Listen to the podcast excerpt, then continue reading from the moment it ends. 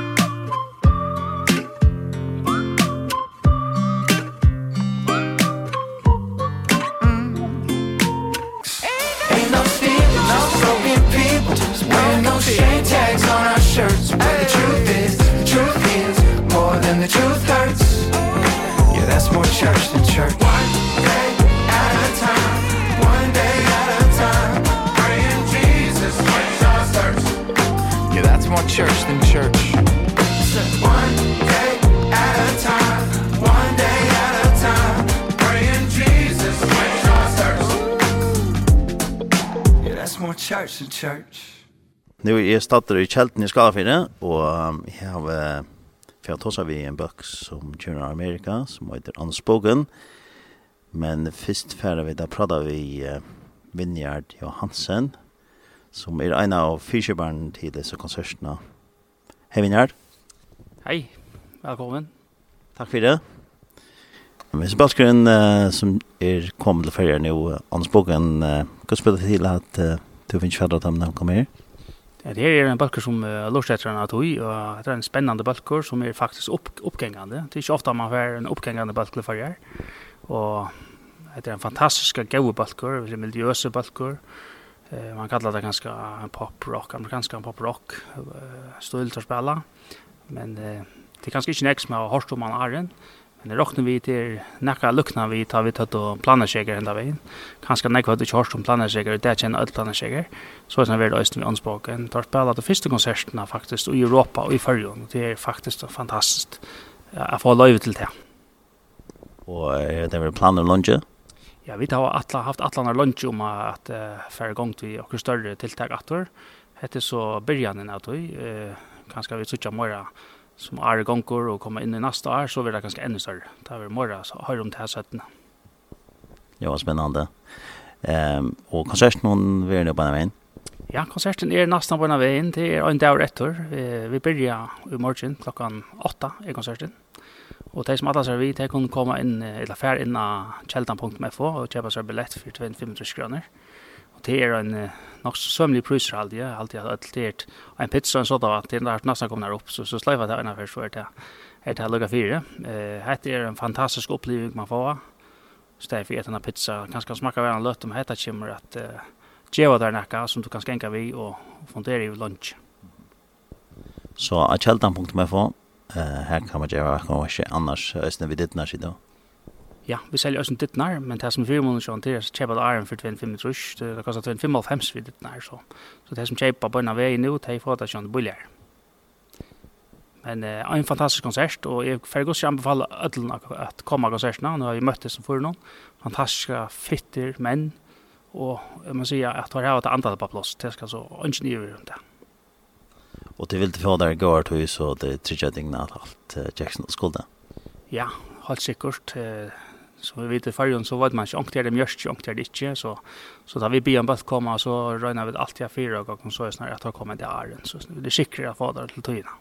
Og det er ikke vel hest før, det var ikke mjørst i det, så vi har alltid haft en gøy tur hjem i SAS, og derfor er det i Atlantik, så det er nok så vel bort. Så ja, tar det glädje för jag kommer og jeg har alltid tar imponera era förrjon som de flesta som kommer.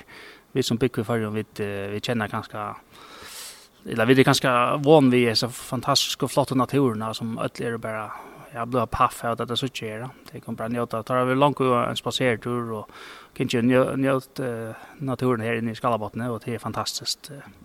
god luft och ja, helt fantastiskt. Så kom äntligen och och vi vi. Det är det är helt otroligt spännande. En stor och god konsert. Ja, vi tar vad det sanns lötna horstösna kan sanjicha Charles Bachelon som som sagt, Anders Bogan som kommer att ha konsert til Kjeltene. Och vi får höra någon sanga träd och sen tjata. Men uh, i halv det är att uh, prata vi här och så får jag prata vi till att vi gör när man har lött ta, ta lite vid här. Vad gör du? Yes. Ja. Hello guys. Hello. Welcome to the Faroe Islands. Uh, yes, uh, we're going to have this in English. of course. Sounds good. because I have no idea what you guys I have no idea what you guys just talked about, but I hope it was good and he was inviting everyone out. Yeah, we're just talking good about you guys. so that's good. Yeah. Can you tell us the who are you guys and uh, your names and uh, how you are been a part of this group Unspoken? Sure. Maybe you start? Yeah. My name is Ariel. I am uh uh so I've been with Unspoken for uh, 19 years, 19 years and uh I'm so happy to be here. What do you play? I play drums. I'm the drummer, yeah. And I am Chad uh from the United States, New England. Live in Nashville, Tennessee, and uh I sing in the group. And one thing that is going to be very special for all the listeners out there is that uh in this interview, we have 3 of us, okay? That are from 3 different parts of the US with 3 completely different accents. So you are going to get a very diverse interview today from southern Texas to Puerto Rico to New England. And so I hope that this is very fun and I hope you can understand us out there. Yeah, we understand very good oh, English. One more thing as I realized that um that um Farish is that how you say? The language is your first language, Dutch is your second, and English is the third. Danish. Da Danish. Okay, yes, Danish. So my point is, you guys are very smart. Okay, Cuz I only have one language, you have three, so I congratulate all the Farish people. Maybe you learn some uh, Farish words before you leave. Wait, wait. Uh, hack, tut, what is it? What's thank you? You're welcome. What is it? Tak. Hack, tuck. Tak. Tak. There you go. Yeah. I'm, I'm on my way. Good way. and you? Uh, hey, my name is Zach, and uh, I'm from Texas, and I play uh, guitar in the band. Yeah. Yeah, and um, you've been a part of the group all, all the time, or? Uh, the last three years. So 19 to what, 20, and I've been here 3 So I'm the new guy. So this group is uh, old? 20 years? Well, Ariel is old. uh, he's sitting right next to me. But uh three of us we started in 2003 and um three of us have been there since the beginning and then two of us have been uh, since 2020 or just before so 3 years. So it's a big big family. We love it. So um and you've done many recordings uh, over the years? Mm. yeah? Yes sir. Yeah? Yeah we have uh we have four records. What not now they don't call it records anymore right? Now albums. Albums, albums. uh, we have four albums and they're all online.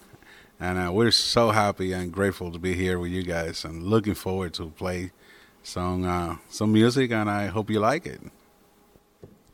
I can say that I was just out by this church is beautiful. So if you have not been to this church you should come even though we're surrounded by beauty. There's nowhere you can go on this island that I've seen in my 4 hours of being here that isn't beautiful yet. Um so I just wanted to say that the the Farish people are blessed because every day you get to see the incredible um workmanship of God's hand. And I was just standing there and it, you know there's a verse in the Bible that says that all creation uh speaks of um the proves the the wonders of God, you know. You don't need to be preached and and share the gospel. It says that you can look up into the sky and the mountains and the water and see that God has carved everything with his own hand and his wonderful master uh, workmanship. So either way, um you don't understand that I know you probably don't get a lot of artists here, but um we are the ones that are lucky to be here, uh, not the other way around that's really true. um, and you've been uh, doing this for many years and uh, you traveled a lot uh, over the world. We do we we do most cuz United States big. So we do most of of our tours in the states, but we've been out, we've been in Mexico, Brazil, Puerto Rico, and now Europe for the first time, which is um we're looking forward. So it's it's it's, it's going to be fun. So first time in Europe. Yes, sir. Yes, as a group. Yes, sir. Yeah, as a band first time. Yes, sir. Yeah. And uh, what can we expect on this uh, concert tomorrow? Music. um, you know, our hope is that we are a culturally diverse group in America, different cultures, different places, different languages, uh different musical influences, so you're going to see all of that um tomorrow night. Um and our hope is that you experience the presence of God um because it's in the presence of God where things happen, right? That God can do um miraculous things. So we that's our main hope is that you encounter God um but that you have fun doing it. And um you know, our our our plan is to make you cry and to make you laugh. So both. Um and it's great music. These guys are top-notch musicians. You guys did not bring in a band that uh only hits a button on a computer and everything these guys all play. It's I'm so lucky to be a part of this group with these group of guys. So it's really going to be great. Um we're excited and uh I mean again, we give the glory to God. Any good we do is because God's spirit is working in us, giving us desire and power to do it like Philippians um, 2.13 says. But um, this is going to be this is going to be a great night. We're going to be, you know, we're going to be putting on our uh, putting our best foot forward for the first time in Europe. and uh, what kind of songs uh, from all the records or? Well, we will have a moment in the set where we will will take requests for unspoken songs and I have no idea how many fans we have here or not. But um yeah, we'll be playing songs from our first record all the way to um our newest record that just released a couple weeks ago. And uh and then we're going to be doing some fun stuff, some songs that we grew up on um from our past um which will be kind of fun. We have no idea if you guys will know those songs or not cuz they're American songs, but um I mean American music's pretty famous, isn't it? Um so yeah, it should be should be a blast yeah, yeah, we have been playing the music, your music on the radio here in Fair, so for the, when we heard that, that you would come, then we played a lot of it. So, Sweet. Yeah, it's good. Yeah, well, we'll play all those songs. Yeah. So, um, and we just appreciate what, you know, radio gets to do. It's a ministry that never sleeps. So if you're listening out there and you have the opportunity to support uh, the local radio, uh, do it because it's a ministry that... Um, continues to serve while the rest of us sleep and uh take vacations. It, the radio never takes a holiday. Uh so the message of the cross continues to go out. And um these songs that you are doing uh, uh in these records and you really just released a, a new record uh, how is it uh, doing recordings now you can't uh, buy records as you did before CDs and stuff like that just online? how is it that it's sad. Yeah. it's sad that um cuz i grew up in an era that you would buy you would hear a song on the radio then you would go buy the record because of the song that was on the radio and then you would fall in love with all the other songs that were there too. Um and now we live in a very uh obviously a digital age in which you hear a song and and and people don't buy the whole record anymore. So it's a little bit sad um on that sense but it's also um an incredible opportunity for uh our music to go anywhere and everywhere in the world. I mean back in the day when you were just selling CDs, you know, how how was someone from the Faroe Islands, you know, if the CDs didn't make it over here, now you can stream it anywhere. So there's a lot of good, but then some things that are, you know, um uh not as good. Um so either way, yeah, it's uh it's been it's been fun to see how technology is carrying music and the gospel all over the world.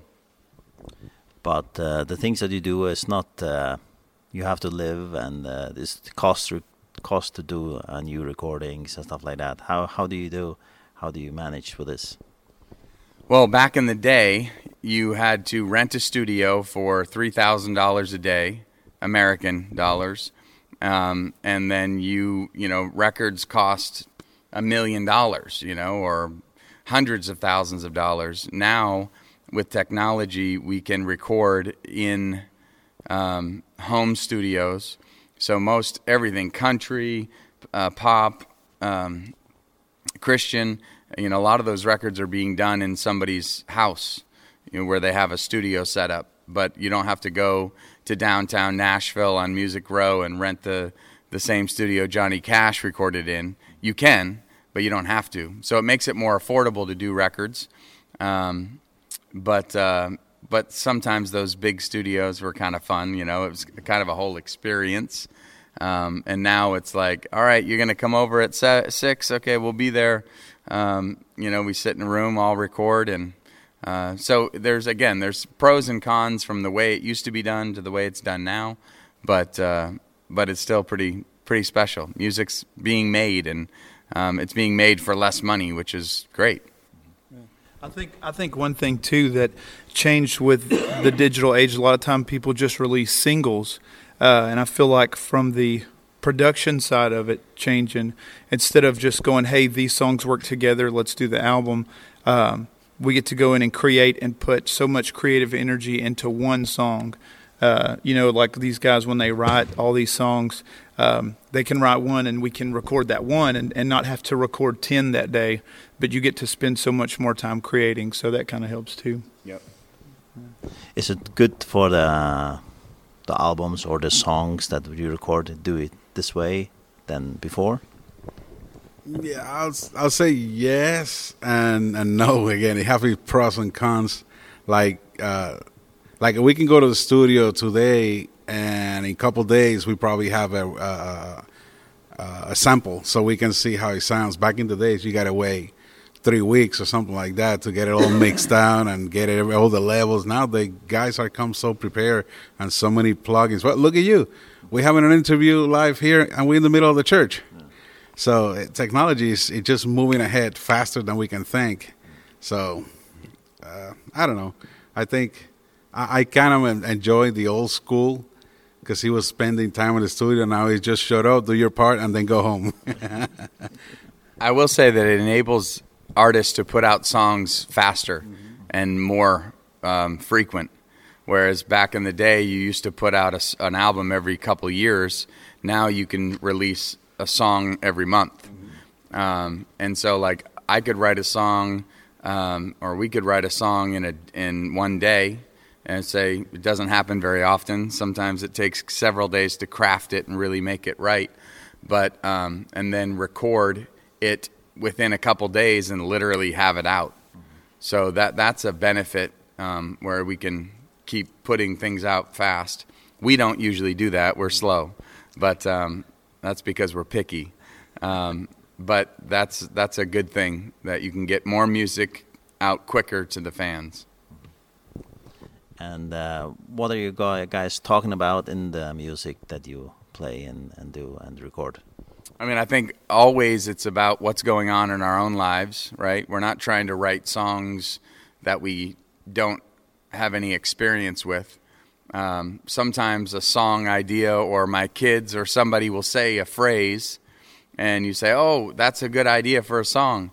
But most of the time it's what are we going through in our lives? Um and and how do we look at that through a biblical lens? You know, what does God say about what we're going through whether it's struggle or victory or um you know, pain or praise?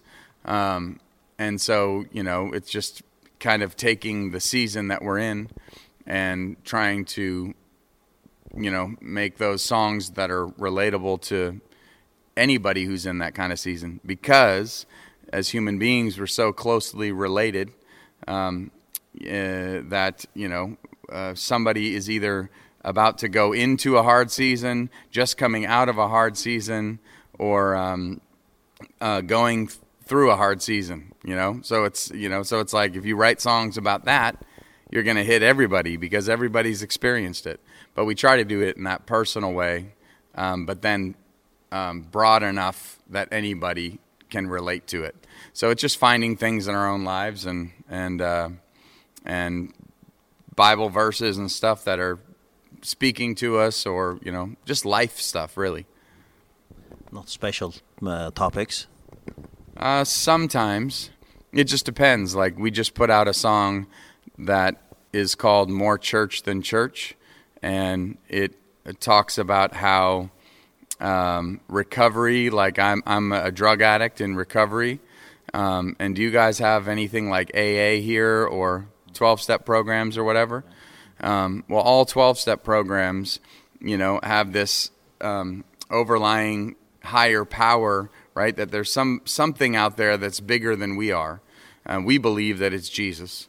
Um and uh and so um in visiting some of these uh recovery groups, the in essence you get around in a circle and you talk about what you're going through and and real problems whether it's um I don't know how politically correct I have to be but uh whether it's I'm struggling with addictions or I'm um looking on the internet on things I shouldn't be or I'm uh lying to my wife about this whatever it may be you're uh, confessing it. You're saying this is what I'm going through.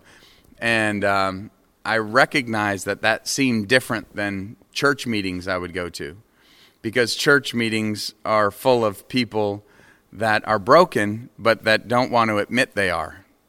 And so it's that transparency, the book of James in chapter 6 um says that when we confess um uh one to another, there's a healing that happens there.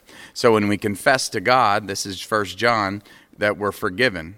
But when we confess to others, we're healed. So this idea came that um you know, this that sometimes that act of confession to one another um is more like church than our church services are. Um and so that was just an idea that we had and so we wrote that and uh um you know I'm trying to think of any other uh ideas from that new record. Um and we've got a new song uh called Joy uh or Where My Joy Comes From and and the idea is our joy as believers doesn't come from what we have or what we're experiencing right now, whether it's you know, okay, well we're in a good season, so now I have joy. No, we're called to have joy even in the hard seasons because our joy isn't dependent on our circumstance. Our joy comes from God. And uh we take delight in him, we have joy in him. So all that to say is, you know, there's all sorts of different things uh and different topics that, you know, we find a way to personalize them um and then try to write a song that has a good melody and a good hook and good lyrics and good music. Um but it's very difficult. And um who are doing the songs all of, all of you guys or yeah? Yeah, we we all have our fingerprints in in the mu in the music that we make. And that's what's neat about a band is that um when you're just a solo artist, then it's just you and you're telling everyone, "Oh, do this, do that." But when it's a band, uh, and uh, everybody gets to come in and Zach is from Texas. He grew up on country music. So we bring Zach in and say Zach put your country vibe on this. And Ariel you know has uh, is from um the Caribbean. And you know so he has a Latin feel. So obviously not every song can have Latin and country. I wonder why not. It should but it all has a a weaving, you know, through the record and and that's what makes a band special is the differences that we bring to the table. What influence influences you guys to play uh, music or the recordings and the music that you do? Influ well, they, yeah, it's all about the same thing. Influences are so many, especially in our in our band because you get our background stuff that we listened when we grew up, they're totally different. So we don't but when we get together and play, it's it sounds unison. It sounds like, "Oh yeah, this is good." So I I think that's that's it. You know, it's just what pretty much what up on. I grew up in uh Latin jazz and 80s music like Toto, Journey. That that's what I grew up listening to. So that's my influence there and then my influence was 90s R&B and hip hop. So Boys to Men and Dr. Dre. And um my mother would find the CDs and break them um because she didn't want me to listen to it. Um but that's the music I grew up on.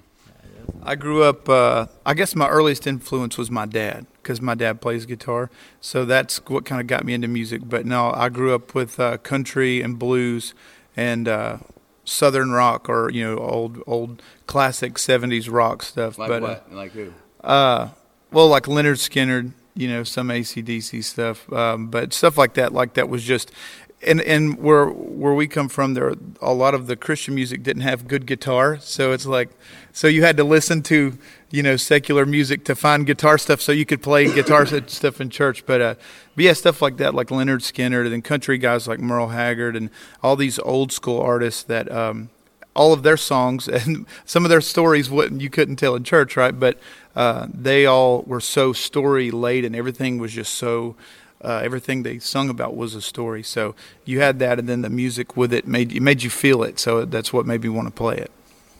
Yeah. Yeah. Interesting. Uh, the one song that uh, people want, uh, for example, want to hear on the radio here in the Faroes is uh, the song "Reason." Mm -hmm. Is a, a, one of the newest songs yes. you have done. Can you tell us a story about that one? Um, well, it was this was one of those ideas where um, I had a title in my phone. So if you have an iPhone, you have a place there where it, it's like a yellow notepad that says notes. And then you also have like a microphone uh, recording memo, voice memo.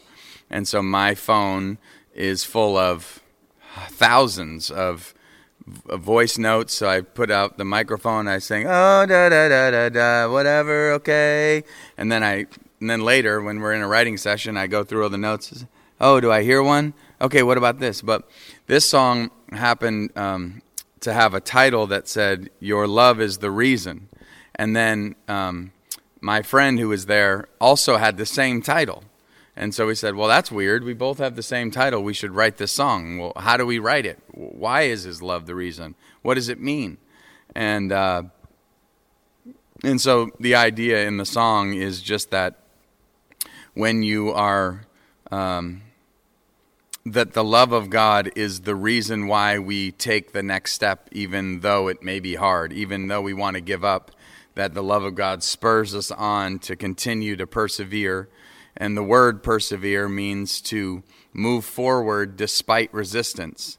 So I know there's people listening out there that feel like they're moving forward but there's a lot of resistance. Well, that's what the Bible calls us to continue to persevere and push through and it's always the love of God that gives us the wind in our sails to to keep going uh even in the storm. So that's basically the gist of that and it probably had like five versions before we got the last one.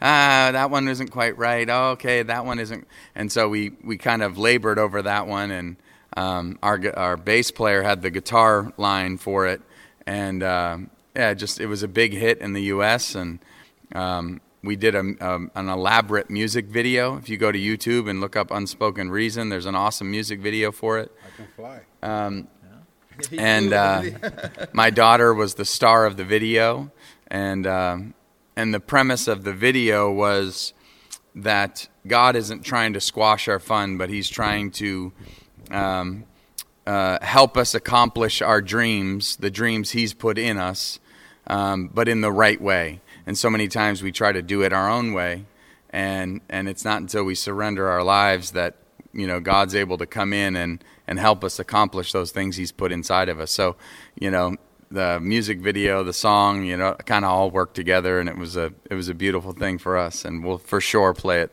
tomorrow. So we can expect that one. Yeah. uh, as I hear you guys talking, you're passionate about the music and also passionate about the the message that you want to tell people. Oh yeah, definitely. We um, you know, the message is why we're here. The music is the vehicle.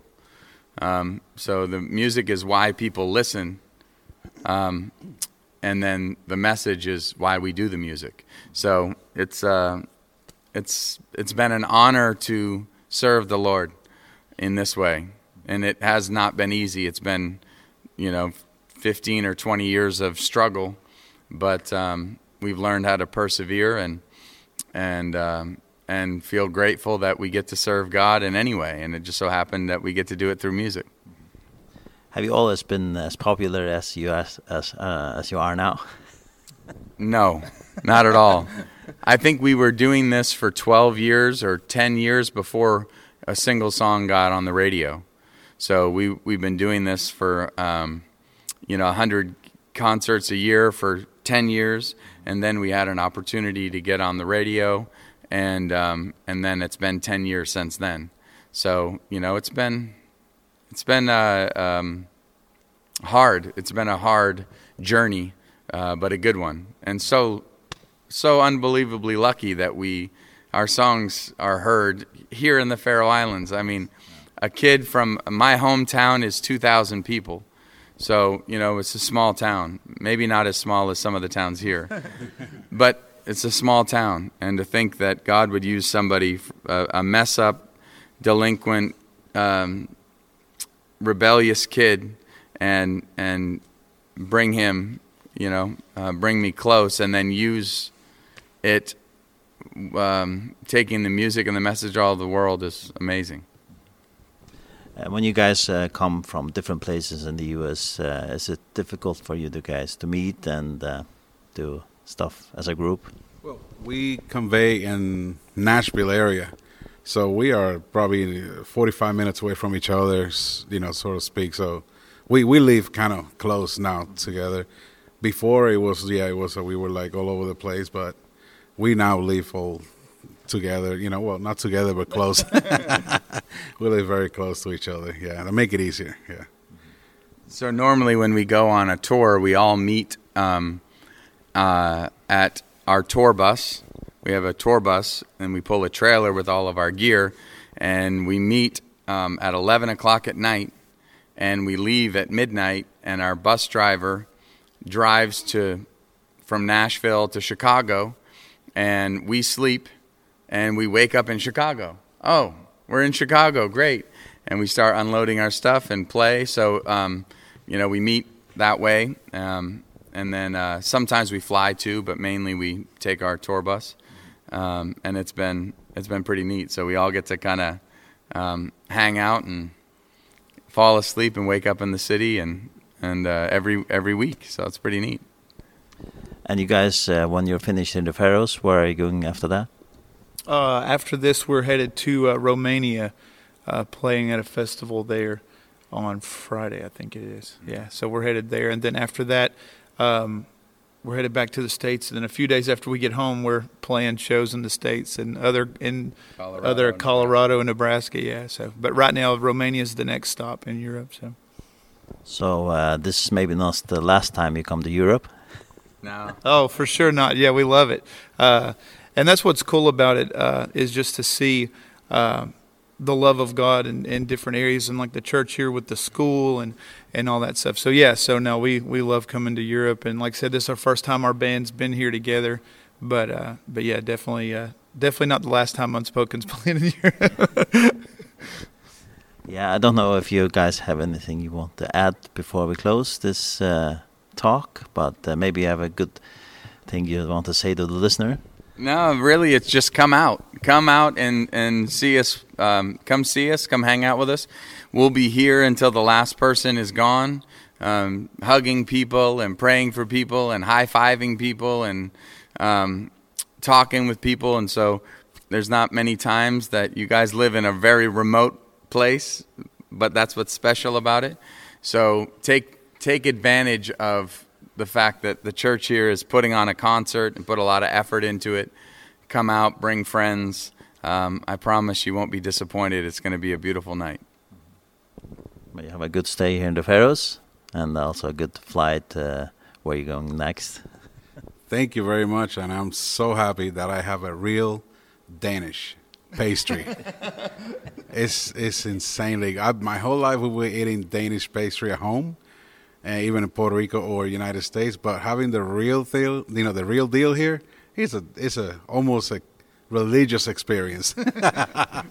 so thank you, thank you for uh, being so warm and and having us in your place, and we're excited and looking forward, you know, for a long relationship. So thank you so much. Yeah. You want to say? Oh yeah, just that uh, Jesus loves you and so do we. You know, it's the, it's that it's uh just uh, look forward to, to meeting new folks and seeing everybody tomorrow. And uh, yeah, just uh, no matter what you're going through, Jesus is the answer. So. Thank you very much for this uh, talk. Yes, sir. Uh, look forward to the concert tomorrow. Thank you very much. Thank you. Thank you. Yes, thank you. Goodbye. thank you. Yes, I'll, I'll just play a song now and then uh, we're going to talk with uh, Vineyard about uh, uh, stuff tomorrow. Ja, vi har hørt her gett fra Imeskund, fra, og ta glede seg øynene til konserten i morgen, som eh, er klokken åtta. Nå skal vi ferdig gå. Har en sannsyn, Reason, som vi tar, tar prat om.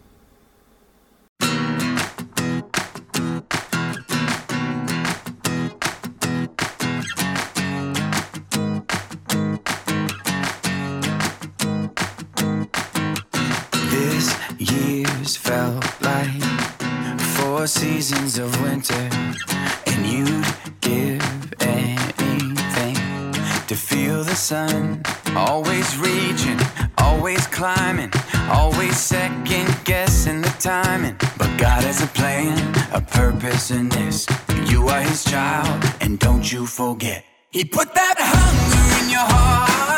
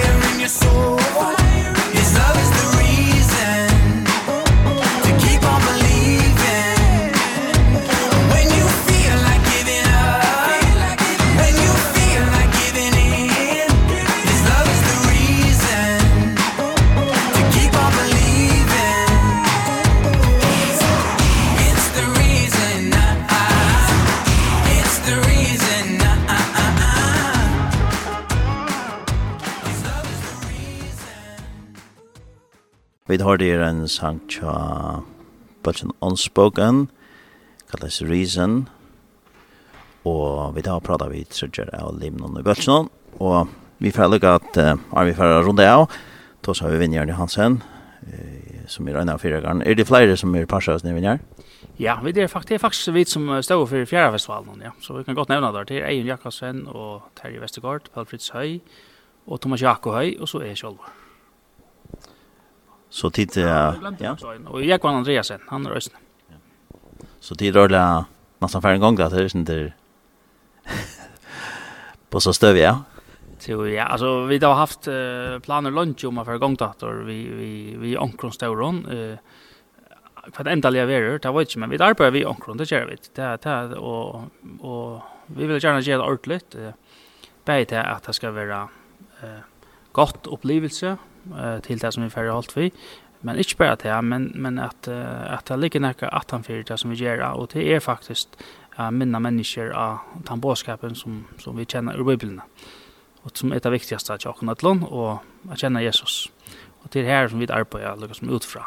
Og det er det aller viktigste punktet jeg Og så, så fer vi utfra tog at det gjerne kan gå rammer. Jeg har alltid vidt mangler i forrige Nu har vi finnet en festival at rätt uh, Kristfest. Jag alltid det är fantastiskt att Jeg Jag alltid ordentligt gott. Jag alltid lovt til Østen og snakket konserter så det är fantastiskt. Og nu får vi ett östnig gång der, og, og, og och jag alltid ferger hur bruk för Jeg ha akkurat antal til. Uh, og eh at särskilt er unge kanskje.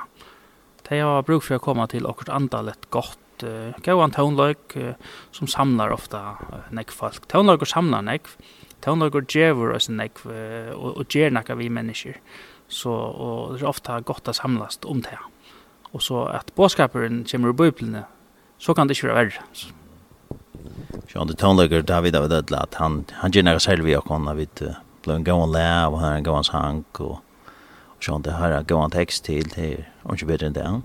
Nei, helt sikkert. Det det det er altså jeg bruker øyla nekva tøy på på Lorstetonage. Helt øyla nekva Og jeg lurte at ødelen slags sånn at jeg ble ångt til å si, jeg vet ikke hva det her sier døtrene som her, men jeg lurte ångt til at så ser man slett tøndløk som det her lurte. Men da må øyelig vel at han tøndløk, og er øyelig alt sitt gjort at det kommer der, og, og, og en større parter av det nå er at lurte tøndløk. Jeg kår i bil nok snakk, tar jeg ferdig arbeids, så lurte jeg tøndløk, og jeg har brukt det her øyne til dem som lovsang, og bygge kanskje så det mye, og sånt. Det er fantastisk opplittende, det er det, det er det.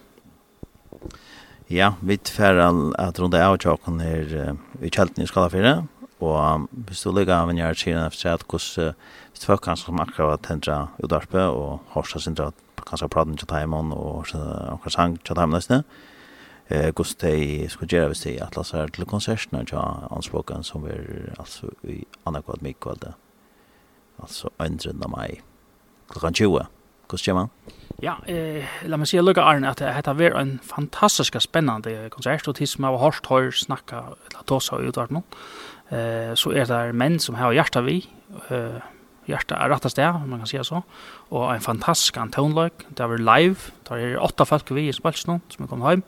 eh, så det var en fantastisk upplevelse jeg kommer till det första och tog för jeg anbefaler alla att komma.